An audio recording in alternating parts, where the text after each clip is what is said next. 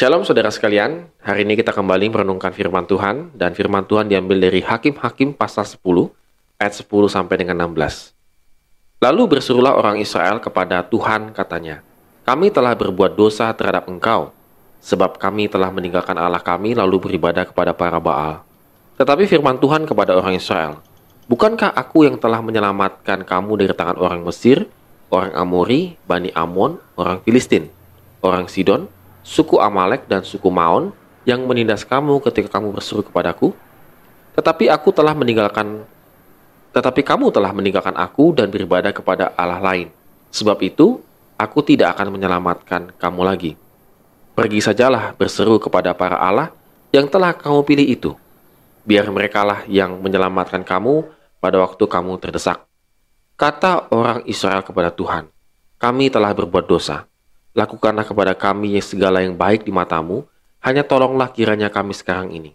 Dan mereka menjauhkan para Allah asing dari tengah-tengah mereka. Lalu mereka beribadah kepada Tuhan. Maka Tuhan tidak dapat lagi menahan hatinya melihat kesukaran mereka. Saudara mungkin pernah membuat kue dan hasilnya kue itu menjadi bantet alias tidak mengembang. Kita tahu bahwa kalau kue ataupun roti yang bantet tidak mengembang, tidak layak untuk dikonsumsi, dan biasanya kita akan membuangnya. Mengapa kue atau roti itu tidak mengembang menjadi bantet begitu? Karena ada satu proses, entah proses dalam pembuatannya atau materi-materi bahan yang dipakai itu kurang bagus. Atau ada satu proses yang kita lewatkan dan kita tidak teliti. Misalnya tentang suhunya, suhu panas untuk uh, membuat roti ataupun kue tersebut. Ketika suhu itu tidak kita kita tidak atur sedemikian rupa, maka hasilnya bisa menjadi bantet. Nah, demikian juga dengan bangsa Israel. Ada satu proses dalam kehidupan mereka yang mereka lupakan, yaitu beribadah kepada Tuhan. Saudara, ibadah itu adalah sebuah pilihan. Apakah saudara dan saya ingin beribadah kepada Tuhan atau tidak? Apalagi di tengah pandemi seperti ini, ibadah kita ibadah online, cenderung online. Anda bisa kapan saja, di mana saja, untuk melihat ibadah, menonton ibadah, baik itu di YouTube, Facebook, dan lain sebagainya. Namun akibatnya, saudara sekalian, ketika kita beribadah secara online, maka kita cenderung untuk melakukannya dengan tidak sungguh-sungguh. Nah, kalau saya sih berpikir, oke okay lah, melakukan tidak sungguh-sungguhnya itu kita skip dulu ya, kita lewatin. Tapi setidaknya apakah ibadah yang kita uh, tonton itu dapat merubah kehidupan kita semakin percaya kepada Tuhan atau tidak. Atau ibadah itu menjadi sebuah formalitas, yang penting saya sudah nonton ibadah di YouTube, habis itu selesai. Lalu hidup saya tidak mengalami perubahan. Ini yang bahaya. Ini yang dialami oleh bangsa Israel. Ketika mereka memilih untuk menyembah para Baal, kalau saudara bisa lihat konteks ini di ayat yang ke-6, maka Orang Israel itu melakukan yang jahat di mata Tuhan. Itu mereka beribadah kepada para Baal, para Asitoret, Allahnya orang Aram, Allahnya orang Sidon, Moab, dan juga Amon, bahkan orang Filistin. Jadi artinya mereka telah memilih untuk tidak memilih uh, untuk tidak ya tidak tidak menyembah kepada Tuhan. Nah, saudara sekalian, apa yang terjadi dalam kehidupan mereka? Mereka diserahkan kepada Bani Amon dan mereka mengalami penindasan yang sangat luar biasa. Nah, akhirnya mereka sadar dan bertobat, ingin kembali kepada Tuhan. Dalam konteks ini adalah Yahweh. Mereka kembali lagi kepada Tuhan. Tetapi saudara, ada proses yang harus mereka lewatin untuk kembali kepada Tuhan. Yang pertama adalah kesadaran. Mereka harus memiliki satu kesadaran penuh bahwa mereka telah berdosa dengan menyembah kepada Allah bukan kepada Yahweh. Memang hal ini terungkap di ayat yang ke-10. Namun kesadaran ini mereka rasakan atau mereka lakukan karena mereka sadar mereka telah ditindas oleh bangsa Bani, Ano, Bani Amon selama 18 tahun. Maka ketika penindasan itu terjadi begitu hebatnya, akhirnya mereka sadar bahwa mereka telah berdosa di hadapan Tuhan.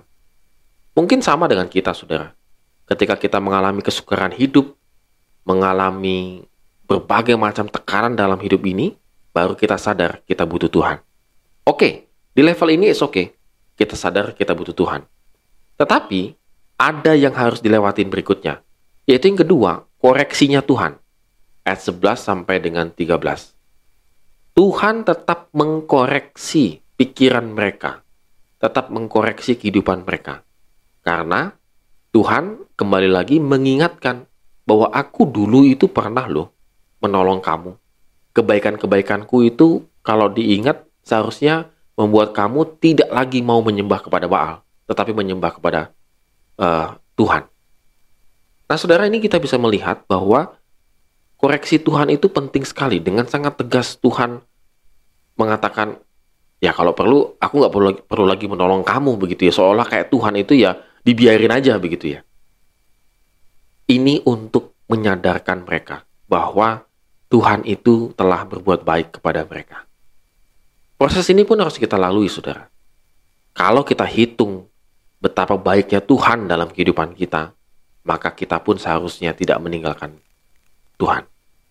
Tetapi yang terjadi dalam kehidupan kita adalah kita sering kali melupakan kebaikan-kebaikan Tuhan dalam kehidupan kita. Lalu proses yang ketiga, yaitu tantangan di ayat yang ke-14. Tuhan menantang mereka. Ya sudah, kalau kamu telah memilih beribadah kepada para Baal, datang kepada mereka, minta pertolongan supaya diselamatkan. Tetapi bangsa Israel pun benar-benar tahu tidak mungkin itu terjadi. Di sini sebuah tantangan, sebuah boleh dikatakan komitmen yang dinyatakan oleh Tuhan kepada bangsa Israel. Apakah kamu sungguh-sungguh akan uh, berseru kepada Tuhan atau tidak, atau masih tetap memilih yang lainnya? Di mana komitmenmu? Saudara ini penting sekali, saudara, dalam kehidupan kita yaitu kita berkomitmen untuk setia kepada Tuhan. Apa pun yang terjadi dalam kehidupan kita. Terkadang kita cuma lip sync setia kepada Tuhan. Tetapi sebenarnya tidak demikian. Bahwa yang benar itu adalah kita harus tahu persis mengapa saya memilih Tuhan Yesus Kristus menjadi juru selamat dalam kehidupan saya. Ini harus kita pilih, kita renungkan dengan sebaik-baiknya. Kalau proses ini kita lewatin, nanti ada hal-hal yang lain terjadi dalam kehidupan kita. Artinya kita tidak menjadi kuat dalam iman kita. Dan yang keempat prosesnya adalah actionnya. Ayat 15 sampai dengan 16. Bahwa bangsa Israel tidak hanya memohon, namun mereka benar-benar menyingkirkan baal-baal mereka dan mereka berbalik kepada Tuhan. Satu tindakan yang nyata, bukan tindakan yang ngawang-ngawang. Ini pun proses yang harus kita lewati bahwa ketika kita ingin kembali kepada Tuhan, maka seluruh hidup kita harus mengalami satu perubahan. Bukan lip sync janji komitmen semata-mata, tetapi perubahan yang nyata dalam kehidupan kita.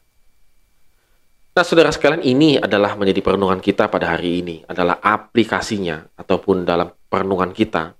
Apakah kita pernah mengalami proses ini, yaitu sadar kita membutuhkan Tuhan, kita siap dikoreksi Tuhan, kita siap untuk berkomitmen setia kepada Tuhan dan kita siap untuk melakukan perubahan dalam hidup ini.